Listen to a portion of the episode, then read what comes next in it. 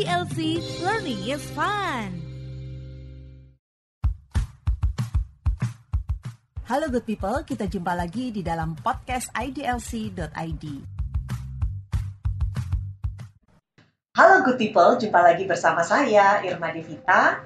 Kali ini saya bekerja sama dengan TF Law Center akan mengadakan suatu talk show yang menarik sekali, terutama buat rekan-rekan notaris maupun pejabat pembuat akte tanah yang tentunya akan bermanfaat dalam menjalankan tugas dan pekerjaannya sehari-hari sebagai notaris.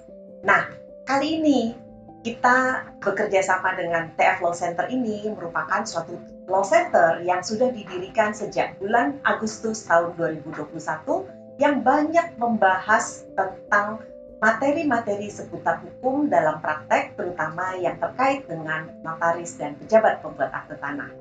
Telah hadir bersama saya adalah Bapak Tri Firdaus SHMH. Beliau adalah uh, founder dan juga uh, pemilik dari TF Law Center, di mana keren sekali nih tamu kita kali ini. Karena uh, Bapak Tri Firdaus ini adalah notaris dan pejabat pembuat akte tanah untuk wilayah Jakarta Selatan sejak tahun 2002.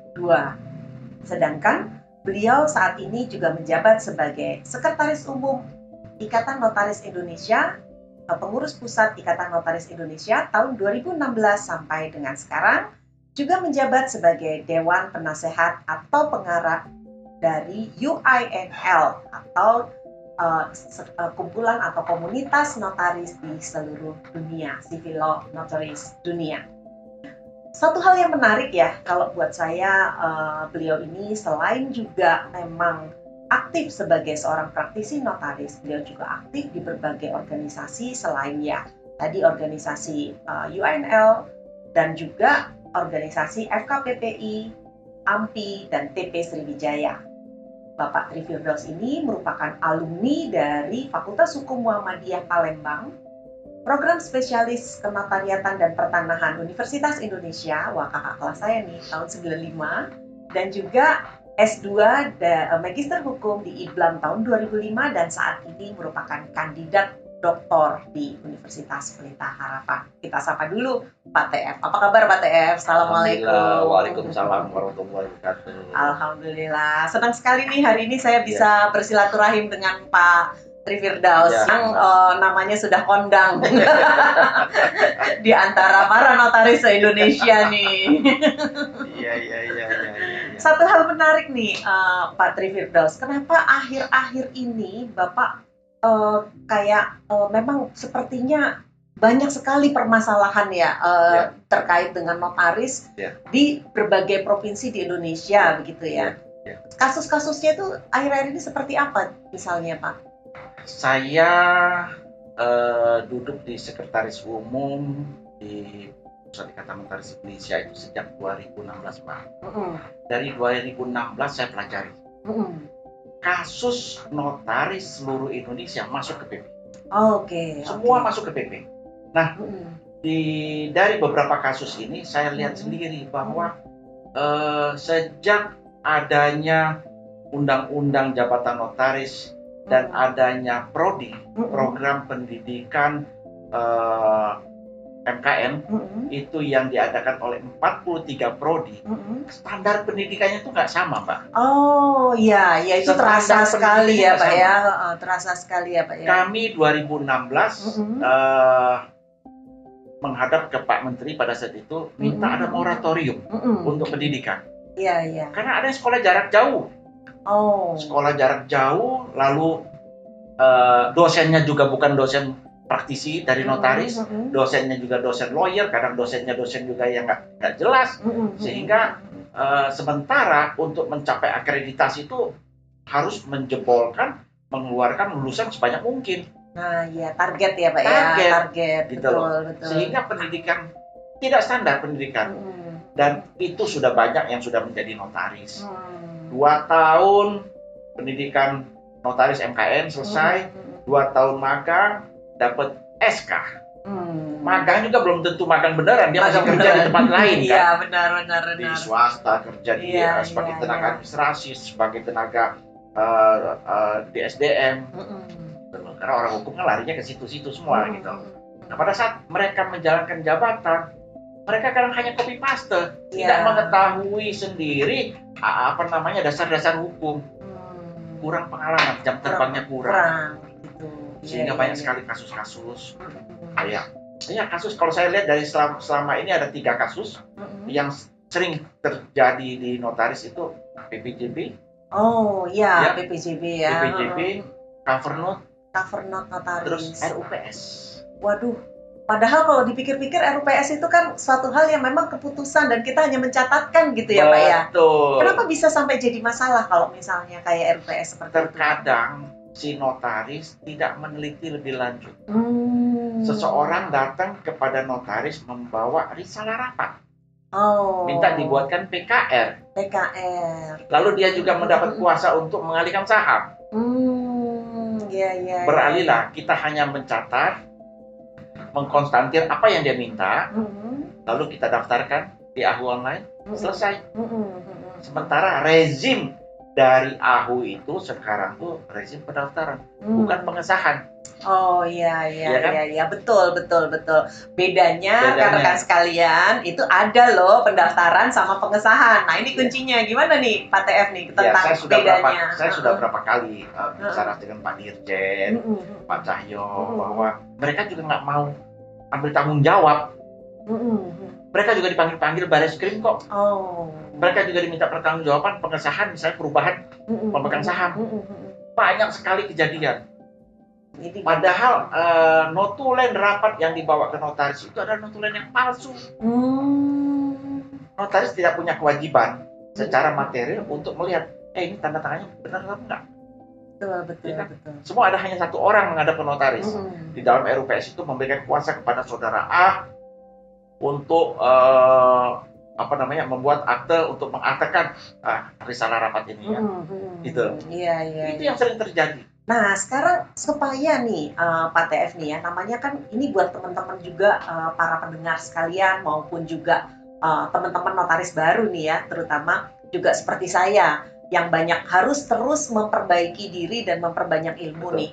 Nah, kira-kira eh, kenapa ya Pak TF? Karena kan gini, kalau kita membuat suatu PKR, otomatis itu kan sebenarnya kita hanya me- mengkonstantir. Tapi kenapa itu dianggap kita sebagai turut terlibat Iya. dalam melakukan suatu perbuatan eh, kejahatan gitu Iya. atau eh, perbuatan pidana makan Iya. kadang-kadang. Seseorang yang merasa yang dirugikan Mm-mm. akibat perbuatan eh, notaris mereka menganggap Mm-mm, begitu. mm-mm, mm-mm. Dengan akte notaris itu saham dia hilang. Mm-mm, mm-mm.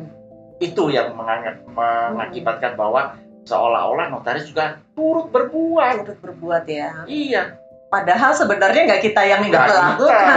Itu hanya saya sudah berapa kali minta eh, sekarang lagi diolah Mm-mm. bahwa setiap peralihan saham, Mm-mm. setiap peralihan saham itu harus menggunakan minimal legalisasi. Nah. Minimal legalisasi. Jangan di bawah tangan, jangan deh. Minimal legalisasi minimal. Kalau bisa pakai akte notaris. Jadi aman. Aman buat kita aman buat eh, yang punya saham aman buat eh, yang pembeli saham. Gitu loh. Itu loh mas. Betul betul. Nah ini nih harus jadi catatan ini Pak TF karena ini banyak sekali dilaksanakan di dalam praktek. Karena ah ribet nih kalau, apa eh, kita notarisnya ribet. Nah saking takutnya kita kehilangan pekerjaan terkadang ah udah deh nggak apa-apa deh gitu ya ya Pak TF ya. Padahal kadang-kadang itu apalagi kalau sahamnya itu ahli waris ya Pak ya. Ah. Aduh. itu juga harus Tolong diperhatikan. berani mengatakan tidak Nah itu dia pada teman-teman notaris benar-benar. kita kadang RUPS dapat berapa sih honornya Mm-mm, gitu loh mm-mm. sementara nilai Resiko. sahamnya sampai sekian besar Betul betul betul. seseorang yang merasa sahamnya hilang, oh dia tuntut notaris gara-gara lu notaris saya jadi hilang. Nah, sahamnya. itu Gitu. benar. Nah, kita harus teliti. betul, gitu betul. loh. Termasuk harus ada bukti bahwa memang sudah dibayar ya Pak Tef ya itu. sahamnya ya. Iya. Kadang-kadang didaftarin tapi sebenarnya nggak ada bukti pembayaran gitu kan. Iya. Nah, itu kita juga. minta buktinya. Sudah bayar Mm, mana mm, buktinya? mm, mm, Atau bukti transfer atau apa gitu loh. Betul, betul. Atau di misalnya di laporan keuangannya Mm, kita minta. mm, Jadi eh, memang seseorang yang merasa dirugikan, Mm-mm. ya dia bisa tuntut notarisnya, Betul. gitu loh. Padahal kita hanya mencatat loh mbak. Benar, itu tadi Pak. Permintaan Mm-mm. orang kita catat. Mm-mm. Kembali lagi pasal 16 ayat 1A, Hmm. notaris tidak seksama. Nah, Nah, kena lagi jadinya ya. pasal 55. Wah, selalu nih Pak. Karena Kenapa? Gimana caranya kita menghindari dalam tanda kutip menghindari supaya kita tidak selalu dianggap atau dimasukkan ke dalam turut terlibat sesuai dengan pasal 55 KUHP gitu loh Pak. Iya, Gimana jadi eh, lakukan sesuai dengan eh, ketentuan. SOP-nya ada. Ya. Dalam pembuatan akte itu SOP-nya ada. Hmm. Perleden, Hmm. berhadapan, dibacakan, ditandatangani, Hmm. jadi saksi. Iya, iya, iya. Ada saksi. Itu perlu sekali. Hmm. Saya di Majelis Pengawas Pusat. Hmm. Banyak kasus-kasus juga yang masuk ke sana. Hmm. Gitu loh. eh pernah kejadian. Saya ada saya cerita ini Mhm. ada kejadian sebagai untuk warning buat kita. Hmm. Saya bukan membuka aib, tapi ini pelajaran buat kita. Iya, iya, Ya. iya. Pelajaran buat seluruh notaris di Indonesia. Seseorang dapat kredit dari bank. Eh, notaris yang ditugaskan untuk membuat akte yang dituju oleh bank itu lalu eh, membuat akte semua dan kita harus sesuai lah. Kita teliti identitasnya, kita teliti eh, kewenangannya, eh, kita buatkan akte, kita bacakan, kita tanda tangani di hadapan saksi.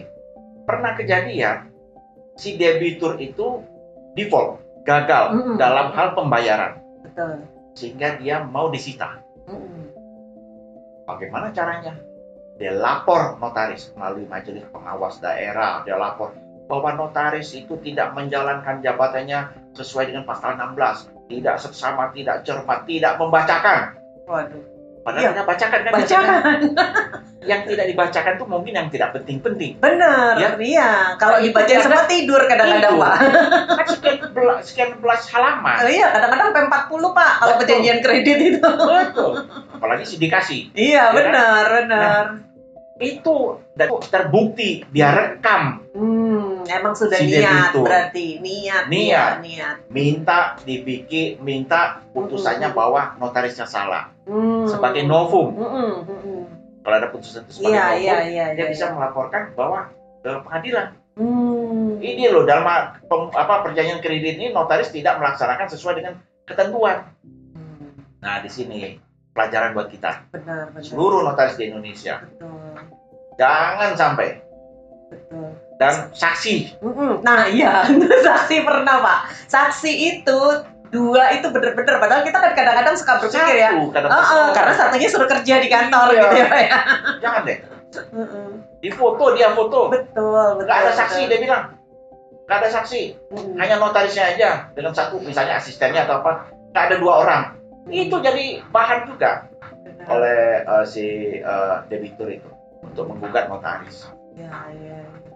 Wah, yang menarik sekarang ini bukan ya menarik ya buat kita juga suatu suatu kayak tsunami masalah karena yang kasus yang baru-baru ini terkait dengan pengikatan jual beli itu Pak. Iya. Sampai akhirnya nih seolah-olah pengikatan jual beli itu jadi tidak bisa dilaksanakan bagi eh, suatu peralihan hak yang memang harus pakai penurunan eh, Betul. hak, betul kita harus pakai proses eh, pelepasan dan Betul. sebagainya. Jadi seolah-olah jadi jadi salah semuanya Betul. gitu.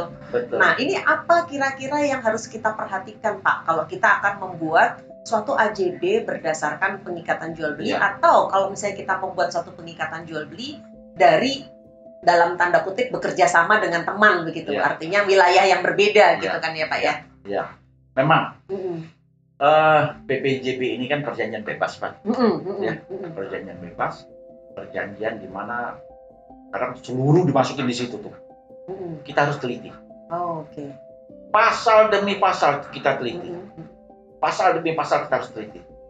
Teman-teman kadang penyidik itu kata demi kata itu yang diperhatikan oleh penyidik. Kata demi kata titik komanya itu diperhatikan. Ini kata-katanya kok begini apakah anda tidak memperhatikan karena kita kan secara materi kan tidak ada kewenangan kita secara materi kita hanya secara formil gitu dalam hal pembuatan PPJB ini cara pembayaran itu perlu sekali kita teliti kewenangannya kita teliti, surat-suratnya. Meskipun di dalam PPJB tidak ada kewajiban kita untuk ngecek sertifikat misalnya. Tapi untuk mengurangi mengurangi masalah di belakangan hari. Yang capek kan kita kalau misalnya ada timbul masalah, dipanggil-panggil. Betul. Nah, untuk mengurangi, ya apa salahnya sih? Kita cek dulu supaya si pembeli juga yakin, oh ini nggak ada masalah, bahwa ini memang clear tanahnya, nggak ada gugatan, tidak ada apa namanya misalnya ada agunan atau atau pasang hati terhadap tanah tersebut gitu loh. Jadi eh, pasal demi pasal dalam PPJB itu harus benar-benar diperhatikan. Satu. Kedua, kuasa yang sering jadi bermasalah. Kuasa yang di dalam PPJB. Terkadang pembayaran belum lunas. Dia gunakan kuasa itu untuk menjual kepada orang lain. Nah, di sini yang perlu kita perhatikan. Dalam hal kuasa, harus dicantumkan kuasa ini apabila telah lunas pembayarannya. Kuasa ini berlaku.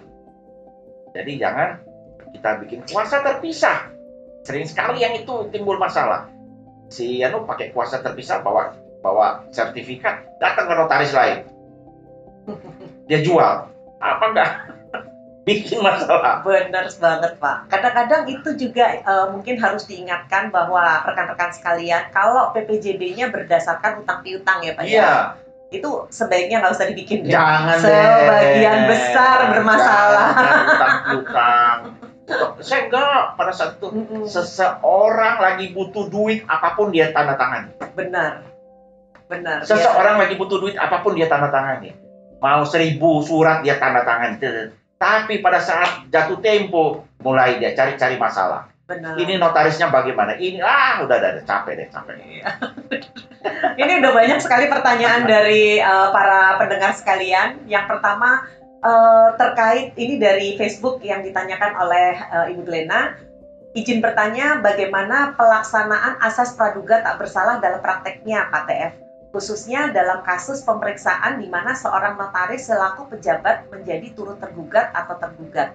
Nah, itu bagaimana apa nih uh, yang harus kita persiapkan terlebih dahulu karena begitu kena dapat panggilan atau apalagi kalau sudah sampai udah sampai jadi uh, apa trial by the press gitu kan Pak. Oh, itu gimana tuh yang Jadi harus begini. disiapin? Heeh. Memang eh, semua orang eh, apa namanya eh, dia berhak menggugat. Siapa pun dia berhak menggugat, Pak. Siapa pun. Nah, dalam hal ini notaris yang membuat akte otentik, yang punya kewenangan akte otentik berdasarkan undang-undang loh, bukan berdasarkan kemauan kita sendiri. Ada undang-undangnya. Nah, notaris ini harus mem ya mau nggak mau dia bertanggung jawab terhadap apa yang dia buat. Dia harus buktikan bahwa ini verleden. Dia harus buktikan bahwa ini loh, dia hadir di hadapan saya, ini yang dia ajukan, ini yang kita kita saya bacakan, ini ditandatangani. Selain cap bukti cap jempol, kita siapkan juga nih. Misalnya ada foto, Ya, Ya, rekaman. rekaman. gitu ya. Itu itu salah satu bukti untuk mendukung bahwa kita sudah melakukan sesuai. Nah, tanggung jawab kita terhadap akte kita sampai di mana? Sampai mati. Itu dia Pak. Masalahnya sampai matinya itu. Sampai Makanya saya mati. selalu bilang kalau orang kasih garansi itu paling lama kan tiga tahun ya. Iya. Kita sampai kita mati. Sampai mati. makanya, makanya teman-teman, eh, notaris seluruh Indonesia, kita ini punya pride, kita punya harga diri. Jangan mau dibayar murah, ya kan? Iya betul. kasus itu kita nggak tahu loh. Ah, akte yang kita tanda tangan itu merupakan bom waktu. Betul. betul. Bom waktu. Kapan meledaknya kita nggak tahu. Hmm, Kapan meledaknya kita nggak tahu, Mak. hmm, Benar benar. Bisa saja setelah kita pensiun baru meledak. Nah iya benar banyak loh Banyak. kejadiannya yang seperti itu. Baru-baru ini ada banyak. Benar benar yang sudah pensiun, Yang sudah sudah pensiun. sudah di kursi roda gitu Iya. ya. Yang sudah Masya pensiun Allah. ada di dalam. Aduh, saya sedih saya ngeliatnya. Betul betul. Sedih saya ngeliatnya. Nah, di sini. Nah, sepanjang pembuatan akte kita itu apa namanya pembuatan akte kita sesuai dengan prosedur, sesuai dengan SOP, itu yang harus kita pertahankan. Itu yang harus kita pertahankan. Jangan sekali-kali, wah nggak apa-apa nih. Terutama biasanya yang senior terhadap junior. Iya, bener suka nggak enak jadinya juniornya. enak sama si juniornya nggak enak sama senior. Gitu loh. Iya, Nggak iya, enak. iya. Terkadang, masa kamu nggak percaya sama saya? Iya. Sini, akte kamu sini. Nggak tahu tanda tangannya tanda tangan palsu semua. Aduh. Aduh, itu yang Iya, sering masalah. Gitu loh. Satu. Eh, kedua, bahwa si notaris ini juga harus harus apa namanya lihat bener lah, teliti bener lah. Mm. Ketelitian itu perlu sekali. Saya melihat 80% notaris di Indonesia ini adalah wanita. Iya. Biasanya wanita kan teliti. teliti ya, iya. Cuman Teliti. kadang-kadang banyak nggak enak kan Pak kalau misalnya permanita itu kan prosesnya sering main perasaan, bilang aduh nggak Berani enak. katakan tidak. Nah itu, Berani katakan belajar, betul. Iya. Jangan permasalahan orang lain itu kita ambil alih. Iya, iya.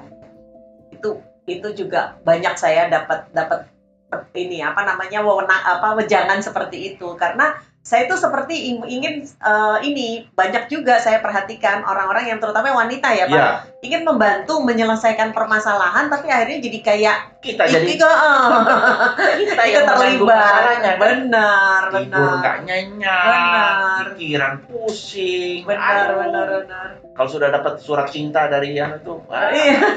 luar biasa nah ini ada pertanyaan lagi dari Facebook di sini Mbak Rita Diana Meka apa kabar Mbak untuk pengalihan saham perorangan apakah wajib dilengkapi dengan persetujuan dari pasangan Pak Saya ingat masalah ini dulu waktu sa- masih sama Ibu Ratna, Direktur Perdata. Kita dulu. Iya iya iya zaman dulu ya Zaman ya dulu. Heeh. Ada beberapa yang menyatakan bahwa eh, kenapa harus pakai persetujuan, Mm-mm. sementara persetujuan itu ada di RUPS. iya betul Kalau sudah ada di RUPS, ngapain lagi pakai persetujuan? betul Gitu loh. betul betul Apa bedanya saham-saham yang listing, Hmm. yang diperdagangkan? Iya, iya. Masa setiap perdagangan minta izin dari, Dari itu pasangan. Iya, kan iya. sama iya. nih. Benar, benar. Ini Meskipun menarik saham- sekali nih. Meskipun itu saham-saham terbuka. PT terbuka yang listing, yang kita kadang pegang hanya semenit kan? Iya, betul. Saham juga itu. Benar. Pegang semenit kita jual. Heeh, heeh, Gitu loh. Benar, benar. Nah, kalau menurut Ibu Ratna dulu, saya ingat waktu kita diskusi, nggak perlu lagi.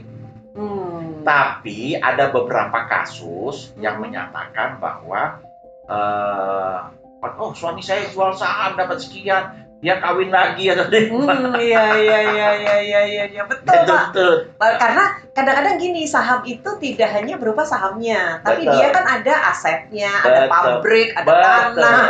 betul, betul. Tapi sepanjang bahwa ya kita, ya kalau misalnya ada kasus-kasus itu ya kita panggil saksi ahli dari kita, loh, yang benar-benar menguasai di bidangnya. Mm-mm. Ini ada pertanyaan lagi nih, kayaknya semua bersemangat nih mau bertanya nih. Ada Putri Ekania dari Facebook juga nanyanya, pemegang saham meninggal dan sahamnya akan dialihkan. Ahli warisnya istri dan anak-anak di bawah umur. Itu masih perlu penetapan pengadilan nggak sih Pak?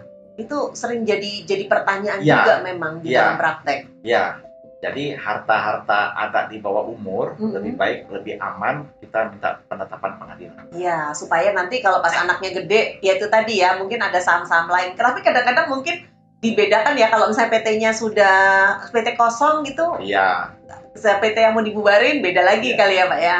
jangan gini loh. Jangan ambil permasalahan orang lain menjadi permasalahan kita. Betul, betul. Kita ambil yang aman-amannya aja deh. Benar. gitu loh. Kita juga jangan takut kalau soal rezeki itu sudah ada yang ngatur, Mak. Iya, Rezeki sudah ada yang ngatur. betul, betul. Gitu loh. Sudah ada yang ngatur. Si ini sekian, eh, ini dia bakal jadi orang kaya, dia begini, dia begini. Semua sudah ada yang ngatur. Kita tinggal menjemput rezeki ya Pak ya. iya gitu loh. Ini ada satu pertanyaan yang Ya. menarik ya Pak ya. Eh, kalau sampai terjadi sengketa nih, Ya. notaris itu kadang-kadang ada pengalaman juga Pak di dalam praktek. Ya. Cuman baru konsultasi misalkan, konsultasi terus kemudian udah dibikinin kayak Draft. kayak bikinin draft gitu, terus kemudian mereka bikin sendiri, Hmm. tapi terus ternyata berantem dan akhirnya manggil manggil notaris yang ikut terlibat, kita sebetulnya kan nggak terlibat apa-apa karena kan cuman Ya. eh, memberikan apa sih ibaratnya konsultasi pemberian pelayanan hukum gitu ya Pak ya. hukum boleh Bisa ya Pak Bisa. ya. Nggak bisa dikatakan bahwa notaris turut terlibat tidak bisa Turut terlibat. notaris di dalam OJN juga diberi kewenangan untuk memberikan konsultasi hukum terhadap akte yang dia buat Hmm, Nah, tahu-tahu orangnya lari bikin kita Bukan salah kita, Bukan gitu salah ya, ya. kita, gitu loh. Nah, sekarang malah sekarang sebaliknya kalau udah terlanjur bikin, terus kemudian sengketa. Apa sih kira-kira kalau kita mulai nih dapat surat cinta? Nah, begitu dapat surat cinta tuh kita kan pasti deg-degan nih, kita nggak tahu apa yang harus dilakukan.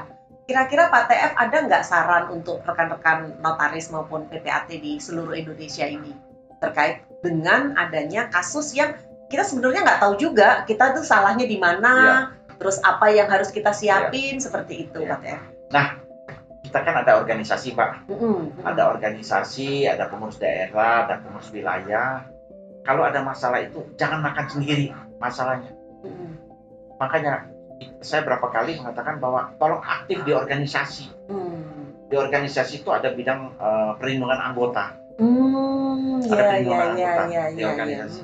kalau dia nggak bisa ngatasi di pemda ada di penwil Hmm, penwil nggak bisa ngatasi ada di pengurus pusat Betul. kita bisa konsultasi kok kita bisa konsultasi jadi kalau ada masalah-masalah jangan makan sendiri ah malu bertanya ah malu saya ini ada kasus jangan Hmm. Sepanjang kita tidak melakukan perbuatan pidana. Iya, iya, iya. Gitu. Pasti dibantu ya. Pasti ya? dibantu Hmm. pasti Soalnya kadang-kadang kan terus mereka menyelesaikan masalah sendiri karena takut, terus karena iya kalau dibantuin, kalau nggak dibantuin gimana? Nggak mungkin, gitu. nggak. pasti Oh, dibantu Oke, oke, Pasti oke. dibantu. Nah, ini bagus sekali nih rekan-rekan sekalian. Banyak yang tidak tahu bahwa kalau suatu saat notaris terkena masalah, itu eh, tidak itulah gunanya organisasi. Artinya kalau kita kita jangan diem aja seperti yang tadi disampaikan oleh Pak TF bahwa dalam kondisi yang seperti itu sebaiknya rekan-rekan sharing pertama-tama datang ke MPD dulu begitu ya Pak TF ya. ya ke ke ke ke pengda Pengda ke Pengda setempat. Iya, Nah, iya. nanti dari Pengda setempat kita cari ke eh, Eh, ada ada ada bagian perlindungan anggota bagian perlindungan Iya. anggota.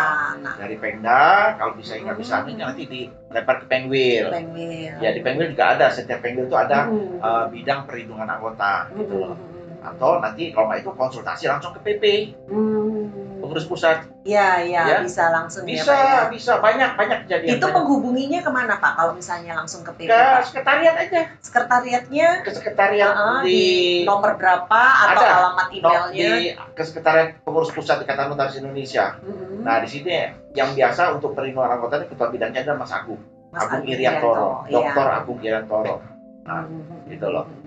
Kayak kemarin Hmm. kita ini baru ada kasus nih mbak Hmm, hmm, hmm, yang saya cerita ya Iya, iya, iya. cover note loh Oh, cover note sudah Iya. kena juga. gila itu bener-bener gila Cover Eh, note-nya itu gimana, Pak? Pencairan untuk pencairan kredit. pencairan Ya Allah. dan tanahnya itu eh, Mm-mm. overlap Hmm. tanahnya overlap terjadi default kerugian BRI Hmm. kerugian sekian puluh miliar eh, notarisnya kena itu kriminalisasi benar kriminalisasi benar Iya, iya, iya, iya, iya.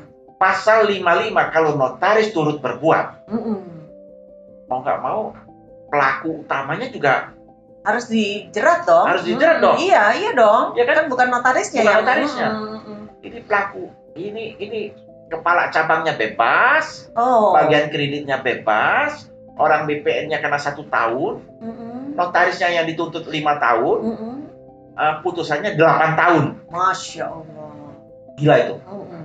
Terus akhirnya gimana, Pak? ya sekarang nanti kita harus aj- Ajukan banding ya, Pak banding, ya? pasti. Banding, ya. kita iya, akan lapor kita Betul, banding betul, betul. kita bikin surat ke KY Betul, betul. bahwa nggak bener ini Benar, benar, betul. hakim tipikornya Mm-mm. gitu loh nah mereka akan teman-teman di sana akan mengadakan gerakan moral Mm. tujuh saya bilang Iya, Pak. kita bikin gerakan moral mm, mm. Supaya mereka tahu loh bank-bank itu tahu tanpa Hmm. notaris mereka nggak bisa Benar, benar. Gitu loh. Tanpa notaris nggak bisa jadi Hmm. mereka mau mogok silakan Mm, mm, mm, mm, mm. bagus mogok terhadap khusus bank itu Iya, iya. masa kepala cabangnya bebas Bebas. Kan keputusan bukan di notaris. Kan komite notaris bukan salah satu komite kan? Betul, betul. Bukan. Bukan komite pemutus kredit, Bukan hanya komite. menjalankan sesuai Hanya- dengan order. Makanya Betul. penting sekali rekan-rekan sekalian, kalau bekerja sama dengan bank, surat order itu menjadi dasar ketika Iya. kita juga diperiksa oleh polisi, diperiksa oleh pengadilan, atau di- disalahkan karena kita memang bekerja sesuai dengan order yang sudah uh, diputuskan secara bersama-sama, gitu ya Pak ya? Iya. Iya. Aduh itu itu saya juga Hmm. aduh gila itu benar-benar itu nggak benar itu. Hmm. Demo-demo saya bilang. Demo kita. Nggak benar itu masa orang kalau notaris mensreanya di situ di mereka Iya, menganggap. mens reanya. Padahal sebenarnya mens rea itu tidak tidak bukan bukan sebagai pelaku. Bukan. Masa medepliktihet ataukah uh, turut tergugat atau ya pembantu kok malah pelaku utamanya malah nggak ada. Pelaku utamanya bebas. Eh, benar-benar Kita tuh notaris bukan sebagai uh, salah satu anggota komite pemutus kredit. betul, betul betul sekali. Dia si teman kita itu dalam membuatkan cover note Mm-mm. itu memang Mm-mm. eh, makanya teman-teman mesti hati-hati dalam Mm-mm. pembuatan cover note. Jangan pembuatan cover note itu sesuai dengan permintaan dari pihak bank. Kadang bank menganggap bahwa Pak bikin cover note yang katanya begini begini begini begini begini. Nah, itu jebakan buat kita. Kalau terjadi default, terjadi kredit macet, jebakan buat kita. Nah, di sinilah dalam pembuatan cover note apa yang terjadi. Misalnya saya kami telah menandatangani telah ditandatangani perjanjian kredit eh, oleh siapa dengan siapa. Nggak usah yang aneh-aneh lagi, nggak usah yang macam-macam gitu loh. Nah, memang ada teman itu mengatakan bahwa eh, di cover note itu telah eh, telah diteliti keabsahan surat-surat dan clean and clear. Nah. Sementara clean and clear itu kan bukan kewenangan kita. Benar, itu Gitu yang harus Jadi kita harus membatasi diri juga rekan-rekan Iya. sekalian. Jangan sampai uh, kita ibaratnya ikut menjadi bagian dari suatu keputusan yang dibuat oleh uh, perbankan. Jadi Iya. ketika nanti ada masalah itu jangan, jangan menjadi keputusan kita Iya. gitu. Jadi saking inginnya membantu itu tadi mungkin Pak. sementara tidak ada eh, tidak terbukti ada aliran dana dari Hmm. kredit itu pada notaris ke rekening notaris nggak ada Iya. malah notaris itu harus mengganti rugi eh, eh, uang sebesar honor dia yang dia terima Ya ampun, itu nggak juga belum dibayar nggak masuk akal.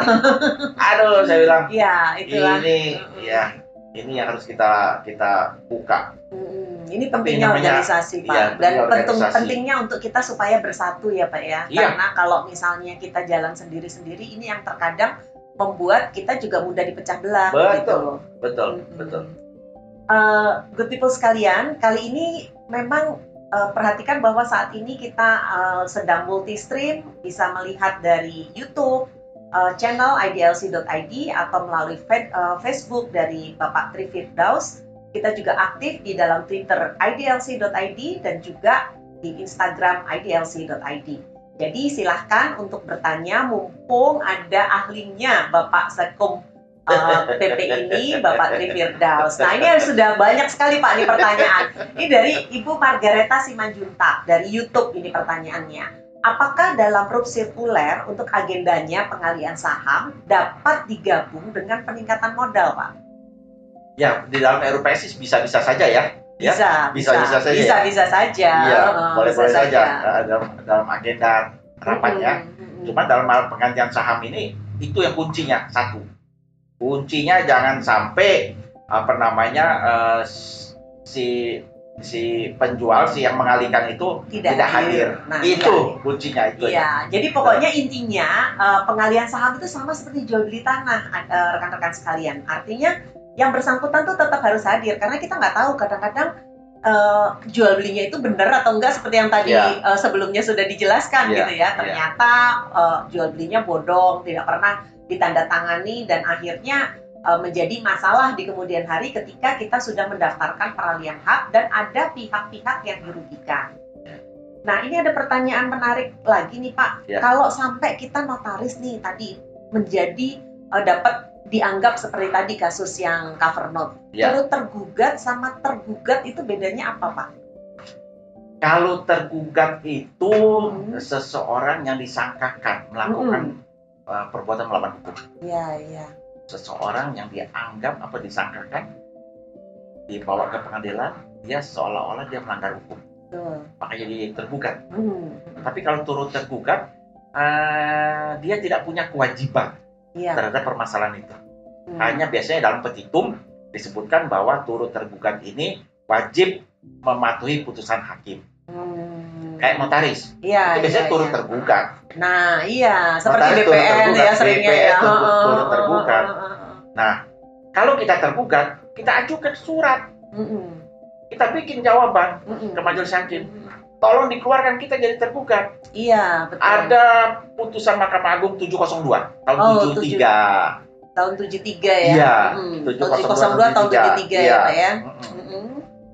notaris itu mencatat apa yang dikemukakan oleh penghadap dengan tidak diwajibkan untuk menyelidiki kebera- keberatan uh, keberadaan material apa yang dikemukakan Hmm. gitu loh. Jadi notaris itu bukan pihak Iya, betul. ya betul. 702 tahun Mm. 73 tahun Putusan Mahkamah 73 betul. Jadi notaris bukan pihak. Nah, Bukan di sini pihak. kita jadi jangan langsung mules ya begitu dapat dapat surat gugatan dibaca dulu. Jadi dibaca apakah sebagai tergugat. Kalau sebagai tergugat kita harus jawab gitu kan. Tapi kalau sebagai turut tergugat dijawab dengan cara kita minta untuk dikeluarkan dengan mengacu kepada putusan Mahkamah Agung nomor 702 eh, tahun 1973 karena Ya. notaris bukan merupakan pihak di dalam sebuah eh, perjanjian Iya. menarik sekali. Nah, terus kemudian apa saja Pak ya hak-hak kita sebagai seorang notaris yang dilindungi oleh undang-undang Pak? Sehingga ketika kita terkena masalah atau dalam eh, pusaran perkara kita lebih paham gitu Pak hak-hak kita. Ya, kita kan ada di pasal 16 1F kita uh, hak ingkar kita, Iya. hak ingkar kita. Kita tidak boleh uh, membocorkan isi akta gitu loh. Dan satu lagi di pasal 50 bahwa seseorang yang melakukan perbuatan untuk Hmm. melaksanakan ketentuan undang-undang Mm-mm. itu tidak dapat dipidana. Mm. Itu pegangan. Wah. Tapi ada ada beberapa orang juga menyatakan bahwa itu untuk petugas katanya. Mm-mm. Misalnya polisi Hmm. eh, nembak, mau nembak kaki kena kepala misalnya kan. Iya, kadang-kadang begitu juga. Iya. Tapi kalau dilihat kita pasal 50 itu saya udah berapa kali berdebat Mm. sama hakim juga menyatakan bahwa itu orang, Mm. orang yang melakukan perbuatan untuk melaksanakan ketentuan undang-undang tidak dapat dipidana. Mm. Tuh. Betul, betul sekali. Ini bagus banget. Jadi kita benar-benar nih pada tercerahkan dengan adanya masukan dari Pak Tri Firdaus pada hari ini. Bahkan saya pun juga, waduh, semakin banyak pengayaan terhadap eh, hak-hak kita sebagai notaris ketika kadang-kadang ketika kita terkena masalah itu yang ada udah but butek aja Butek. pikirannya udah butek pikirannya Butek. langsung mules nggak bisa tidur dan bisa mikir. nggak bisa mikir Nah, gunanya organisasi itu. Pak. benar nah itu tadi Itu gunanya organisasi. Benar, benar. Nah, ini sekarang yang menarik nih. Eh, dengan adanya kasus-kasus seperti ini, apa yang sudah dilakukan oleh organisasi terkait dengan adanya eh, kadang-kadang tiba-tiba kita dipanggil begitu saja oleh polisi. Apakah ada kesepakatan dengan kepolisian ataukah dengan eh, kejaksaan misalkan mungkin bisa dijelaskan Pak Tef? Alhamdulillah kita Hmm. sudah tanda tangani MOU dengan uh, Hmm. Mabes Polri. Oh iya iya ya. Pak. 2018 antara pengurus Hmm. pusat diwakili oleh Ibu Ketum dan Hmm. Dengan Pak Tito pada saat itu. Oh oke. Ya. Dan dilanjuti Desember 2020 dengan Kabar Eskrim Hmm. Pak Listio Sigit. Hmm. Di sana tadinya kebetulan saya ketua timnya Mbak. Iya iya iya. Saya ketua iya. timnya. Hmm, hmm, hmm.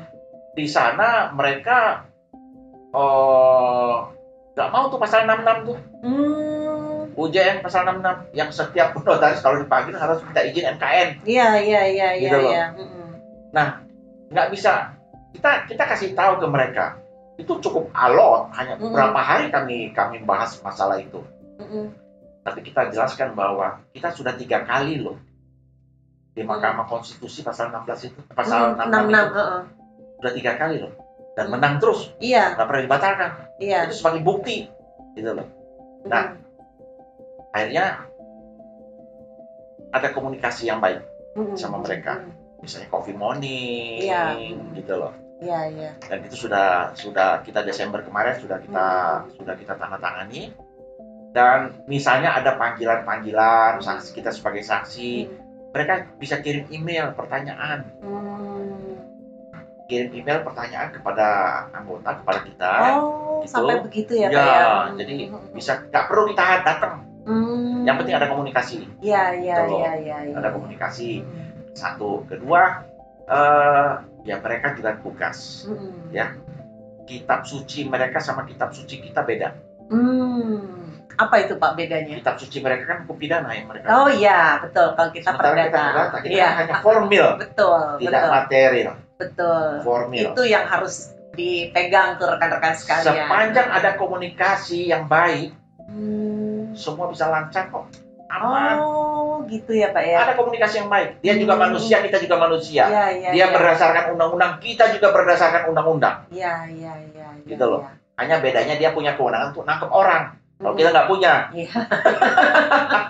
nah, ini menarik sekali rekan-rekan sekalian. Jadi, ketika misalnya ada panggilan dari polisi, kita kan kadang-kadang eh, terus terang aja ya. Kita kalau misalnya harus datang ke sana, kadang-kadang waktunya bisa dari pagi sampai sore baru diperiksa gitu. Terus kemudian juga kalaupun kita di sana tuh ada rasa terintimidasi gitu kan, karena kita merasa berada di dalam kedudukan yang seolah-olah kita udah ditempatkan kayak salah gitu kan. Ya, Nah, padahal ternyata dengan adanya MOU ini, tentunya kita eh, harus meminta dulu persetujuan dari MKN supaya MKN-nya nanti akan menilai apakah perlu atau tidak. iya. Nah, terus kemudian kalaupun memang sudah dipanggil oleh MKN dan kita datang, kita bisa minta untuk pakai email atau Betul. komunikasi Betul. atau diperiksa di kantor Iya, misalnya begitu iya. ya, ya. Atau terkadang Mm-mm. ke, ke MKNW, Mm-mm. kantor sana polisinya datang di MKNW, Iya. didampingi dari MKNW eh, dan eh, kita sebagai Mm-mm. notaris Mm-mm. atau eh, jangan sendiri-sendiri deh, Mm-mm. ajak dari teman-teman dari organisasi, Oh, Oke. ajak supaya mereka juga melihat, oh ini organisasi, organisasi kita besar loh, Mm-mm, benar. organisasi benar. kita besar benar, loh, benar. kita dua puluh dua ribu pak, dua gimana? puluh dua ribu, Gimana? dua puluh satu ribu, Dua puluh satu ribu. orang juga setiap Alhamdulillah sekarang ini Ikatan Notaris Indonesia selalu diundang. Hmm. Setiap instansi pemerintah Iya, itu selalu iya, iya, undang iya. acara-acara apa. Mm-mm. Jadi mereka udah melihat. INI pertama kali mengadakan panggil 87 negara loh. Hmm, iya itu luar biasa itu ya, Ya. Pak ya. Tahun 2019 itu saya salut sekali itu. 87 mm, negara kita 87 datangkan negara, betul, notaris betul. seluruh dunia untuk kongres di Indonesia. Betul, betul, betul. Dan saat ini malah kita masih juga termasuk Pak TF ini adalah sebagai Dewan Pen- Penasihat Betul. dan Pengarah dari Betul, UNL ya Pak ya. UNL. Untuk civil law notary uh, dunia gitu. Betul. Suatu saat Heeh. presiden UNL dari Indonesia nanti. Waduh, amin, amin. Semoga ya, Pak ya. Jadi supaya kita lebih didengar secara Iya. internasional. iya, betul. Menarik sekali. Nah, sekarang poin-poin apa sih, Pak, sebenarnya yang ada di dalam MOU itu, Pak? Eh, jadi poin-poinnya ada kita saling memberikan anu saling memberikan eh, eh, informasi Mm-mm. tukar menukar informasi Mm-mm. tukar menukar apa namanya eh, pendidikan gitu loh sama mereka ada eh, kita sudah berapa kali kemarin yang diwakili oleh Pak Agung untuk memberikan pencerahan Mm-mm. pada para penyidik Oh di iya, Mabes. iya. gitu loh Jadi kalau dulu waktu zaman Pak Sugeng saya juga masih you know, Pak. Sugeng almarhum Mm-mm. Pak Sugeng kan mantan polisi Iya, betul. kita sering ngasih ke anu juga kita ngasih sering eh, ngajar di Megamendung Mega Mendung di Reserse. PTIK ya, Pak ya? bukan PTIK Mega, Meg- untuk reserse. Reserse Iya, di iya, sana iya, gitu loh. iya, iya. nah sekarang kita sekarang ini kita jajaki lagi pandemi ini setelah kita tanda tangan nih kemarin Desember 2020 pandemi ini kan masih anu kita stagnan semua Betul, betul, betul, betul, Stagnan betul. semua. Kayak eh, apa The Lost Word satu Iya. satu dua tahun ini kayak blank, Ya, blank semuanya. kita stagnan semua dan kemarin untuk pelaksanaan dari MOU dengan Polri ini kemarin Hmm. sudah ditandatangani juga antara Ka- Kapolda dengan Hmm. pengurus Pengwil Hmm, Sudah. Iya, iya, iya. dan hebatnya Kapolda minta seluruh kasat reskrim tidak boleh meninggalkan tempat sampai dengan acara selesai. Hmm. Iya, iya. Mereka juga nggak ngerti dunia notaris itu kayak apa sih benar, benar, benar. gitu loh. Mereka pikir hanya punya kewenangan panggil, panggil, panggil, gitu loh. Nah dengan adanya ini, dengan adanya MOU ini, mereka juga terbuka. Oh, notaris itu ini, notaris itu dalam melakukan perbuatannya eh, membuat akte itu tidak mau semau maunya dia, tapi berdasarkan undang-undang. Iya, benar. Begitu juga dia sebagai petugas, dia juga berdasarkan undang-undang. Betul. Gitu, Dicari solusinya, Iya. gitu loh Pak. Nah, menarik sekali nih. Jadi artinya dengan adanya MOU ini, kita setidak-tidaknya bisa ada eh, pemahaman juga dari para penyidik untuk melihat posisi dan kedudukan dari notaris dan Betul. juga notaris ini juga kalau setiap kali harus ada pemanggilan tentunya harus ada persetujuan dari. MKN dan eh, di sinilah peran organisasi ketika memang akan dilakukan eh, pemeriksaan bisa minta pendampingan dari Betul. Ya Pak ya. Betul, betul. Nah, betul. sekarang satu hal lagi tuh, Pak menarik kalau misalnya eh, ini pertanyaan dari Damayanti Supadi. Eh, bagaimana mekanisme pengalihan aset PT kepada para pemegang saham? Ini dari YouTube, Pak. Hmm. Mm-mm. ya RUPS lah, Mekanisme pengalihan aset. Nah, iya, iya, iya. harus melalui RUPS lah, nggak bisa begitu-begitu saja. Mm-mm. Harus di- disetujui kalau ada pengalihan pengalihan aset tersebut harus Iya. disetujui di, di RUPS. Sama sepertinya eh, aset dari satu perusahaan eh, mau dijual, ya kan? Mau dijual, mau dialihkan kepada pihak lain. Nah itu juga harus ada persetujuan. Persetujuan. Iya, dan itu juga ada ketentuannya.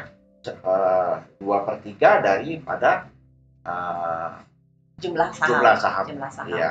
Nah, ini ada satu lagi juga, Pak, Eh, dari Gumalanika YouTube izin bertanya, bagaimana kalau sampai notaris dipidana? Protokol notarisnya itu seperti bagaimana ya, Pak ya? Eh, nah ini yang jadi masalah. Pidana. Ini Iya. juga pertanyaan banyak orang nih, Pak. Ya, Hmm. jadi ada ketentuan bahwa apabila dipidana nanti NPD, Oh, Jadi, NPD yang iya. akan pegang ya, Pak ya. NPD yang Mm, mm, mm. kalau dia dipidananya sampai diberhentikan, Mm, mm, mm. NPD yang menentukan siapa notaris yang pemegang protokolnya Hmm. adalah Iya, iya, iya, iya. iya. jadi NPD yang beralih. Iya, iya, iya. Jadi nggak eh, masyarakat juga tahu bahwa nanti kalau memang ada pidana tetap ada yang Ya, yang kita tempat kita tanya Iya. dan ber, apa tahu di mana Iya. disimpan. Mbak Ini minum ada- dulu Mbak. Kita minum dulu. Silakan Pak, silakan. Ini saking bersemangat banyak sekali Pak yang tanya jadinya. Ini dari kebetulan eh, Good People saat ini kita memang live dari YouTube, dari eh, Instagram dan juga eh, Twitter maupun Facebook. Jadi Banyak ya? memang banyak banyak dan ya insya Allah ini juga bermanfaat Pak karena Iya. nanti akan direkam dan disiarkan lagi buat yang ketinggalan Iya. bisa dilihat lagi di YouTube channel dari eh, TF Law Center. Juga nanti akan ada podcastnya. Ini pertanyaan lagi dari Ibu Sumarti Nitini dari YouTube. Bagaimana jika pemilik saham juga selaku direktur, Pak? Iya. Pemilik saham, dia juga direktur, tapi peninggal.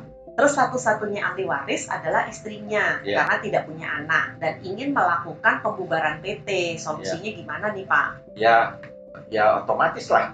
Otomatis kalau misalnya dia meninggal digantikan oleh ahli waris kan. Mm, Nah dari ahli waris itu ya harus mengadakan eh, RUPS untuk pembubaran, benar. iya kan? Iya, iya. Simpel-simpel aja, gitu loh. Simpel-simpel aja sebenarnya. Simpel-simpel aja ya, Pak. ya. Yang penting sudah ada keterangan warisnya. Iya, ada keterangan waris dia yang menyatakan bahwa dia dia anu apa namanya? Ahli waris sebagai ahli satu-satunya. waris satu-satunya Iya, gitu loh.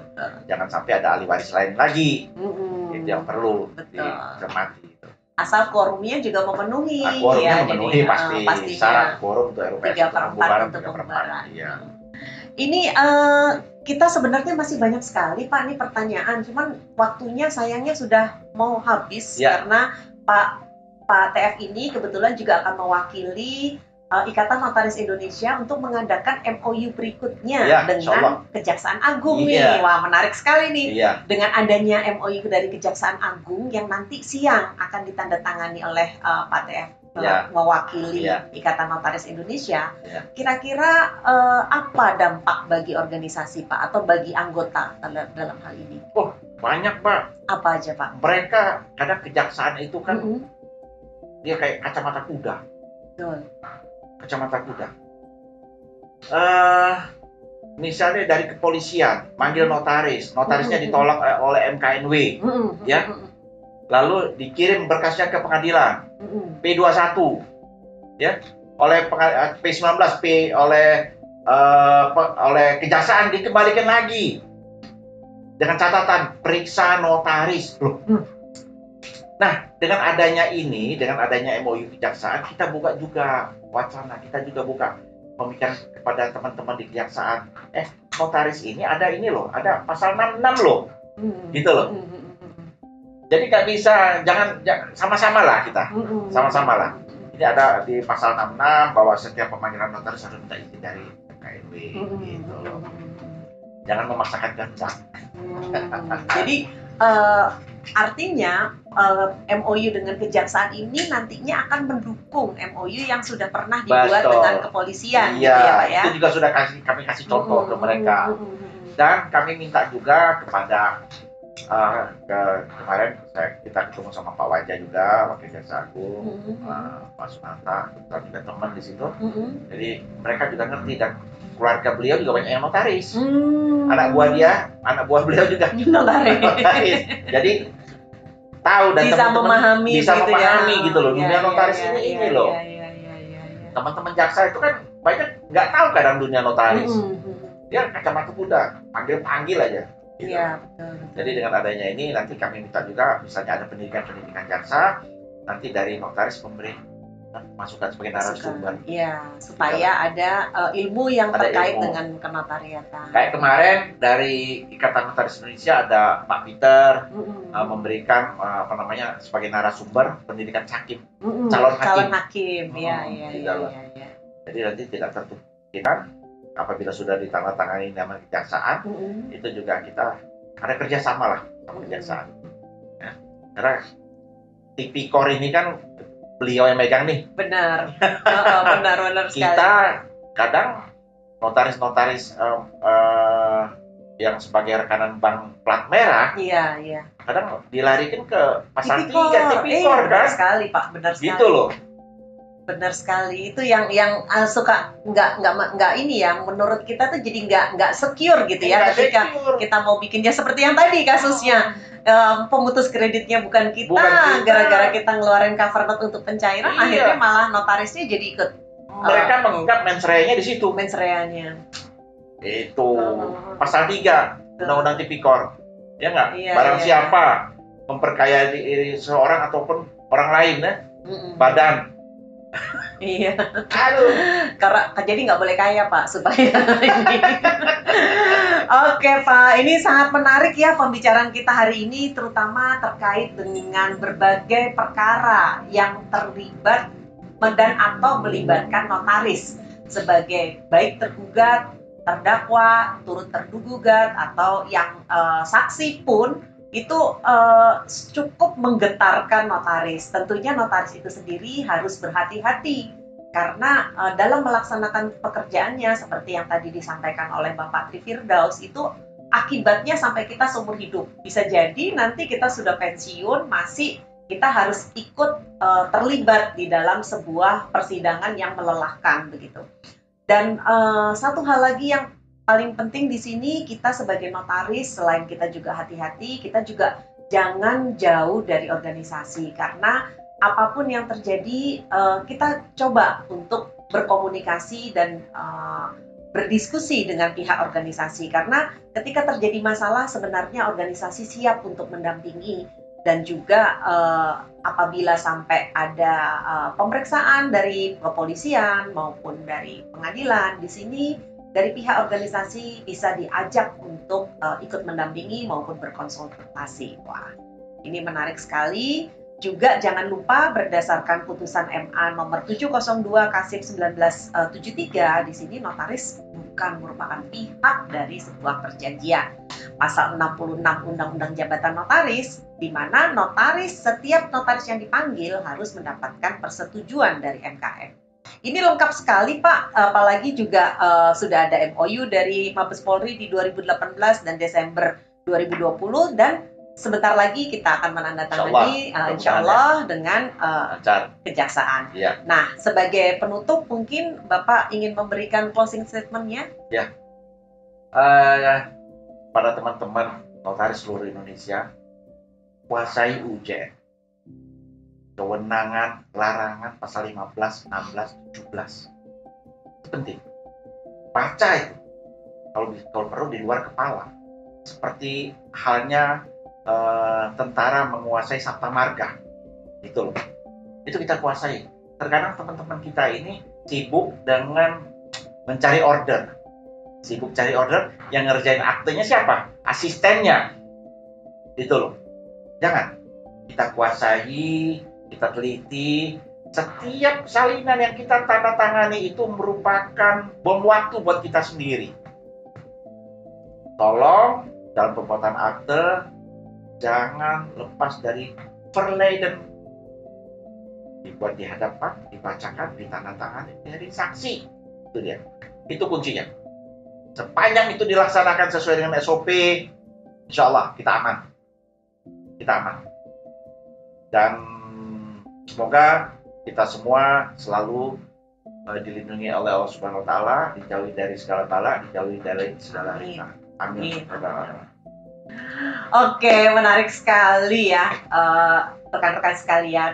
Sangat bergizi. Jadi kalau misalnya ini, kalau istilahnya anak sekarang daging semua nih pembicaraan kita hari ini.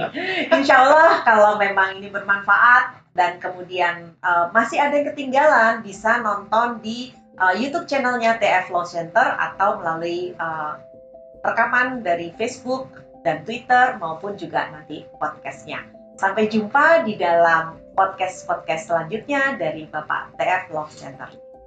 Semoga bermanfaat. Assalamualaikum warahmatullahi wabarakatuh. Waalaikumsalam warahmatullahi wabarakatuh.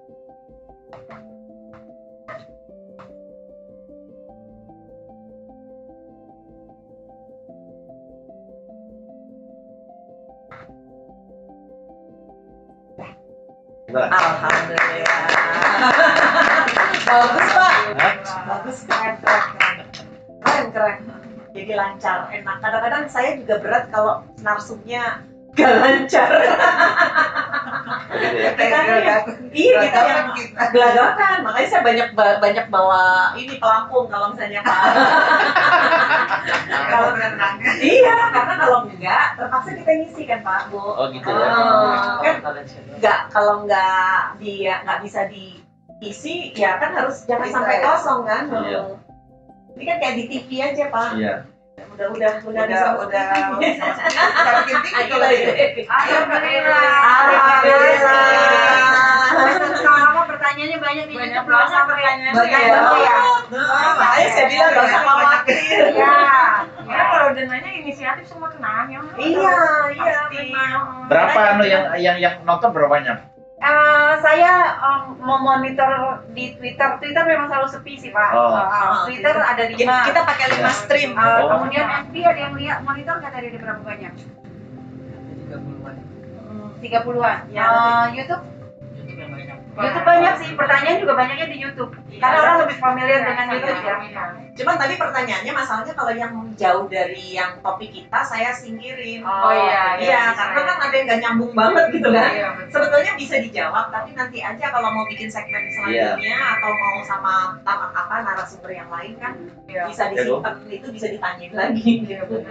Kalau di ikutin mah pertanyaannya Ya. yang biasa. biasa Udah konsep ke mana-mana ya. iya banyak banget dan ke mana-mana udah saya lihat tuh ini pertanyaannya nggak nyambung nggak nyambung udah skip skip skip bagus bagus pak alhamdulillah Tapi jadi durasi berapa menit? Masih, masih, Tiga masih, puluh ya? Satu jam ya? Enggak, bukan setengah jam ya. Mungkin Enggak, kan rencana mau bukan mau itu orang dikontaknya susah orang banyak banget terus saya pikir satu jam aja nggak apa-apa lah kan eh, eh, Iya, iya, iya. juga satu jam kan isinya mereka menguasai nggak? Nah, jadi kita Jadi ada IG, jadi ya. Oke. IG berapa penonton berapa banyak? eh, sama Twitter. sama Ya. Ya, Trin. Nah, ini masuk rekaman lagi ke podcast. Nanti kita tayangin ke 6 stream. Oh, retake ya. Eh, Eh, ya, ini kan rekaman kan. Jadi IG pun tadi ada live. Oh Iya. iya. Iya. Live-nya juga rame ya. Iya. Ya. Alhamdulillah. Tapi, tapi Iya. bagus sih apa eh, jadi eh, ya, kan ya. biasanya ya. kalau webinar Pak nanti ngomong Ada, ada, ada, ada. Iya. Ini Ini info Ter- terekspos. terekspos. Iya. Tapi masih ini si Agung, Agung. Oh iya. Agung. Halo, Assalamualaikum,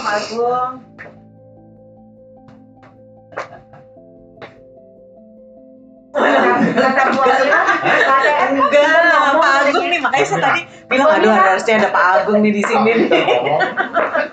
karena belum pernah eh, saya tanya kan belum heeh, gimana. Biasanya dikasih ini jatuhnya cuma cannot speak. Nggak Oh, dikasih langsung. kasihan. Makanya begini. Keren banget bisa jawab. Orang makanan kita sehari-hari. iya kan itu yang dikerjain silakan ya bisa lah menjawab Iya. Makanan kita sehari-hari. Walah, ya istirahat Pak, jangan Iya, terlalu iya. Jadi kan yang nanyanya juga jago. Oh, oh ya. Oh, enggak lah. Kalian deh. Enggak lah Pak, masih belajar. Alhamdulillah. Aku lagi bilang Alhamdulillah, alhamdulillah. ya. Saya ter- tersanjung nih sama Pak Agung nih. Kebetulan saya klik juga tadi sama Iya, Pak. TF, jadi saya bilang Pak TF, wah bagus nih ininya. Alhamdulillah, makanya maksud saya justru kita Oh, harus ini. banyak menonjolkan peran organisasi itu karena kan banyak yang bertanya-tanya lebih- lebih supaya eh, tadi saya tanya sama Ya. Pak TF juga Pak kalau bisa kita materi-materinya apa sih yang udah kita kerjain buat organisasi dan anak-anak tuh pendukung banyaknya juga kayak nggak tahu harus ke mana kayak gitu makanya tadi kan ter, ter- ditulis juga nomor ya? teleponnya kontak ke siapa mampun. matur suwun sangat pak ininya di support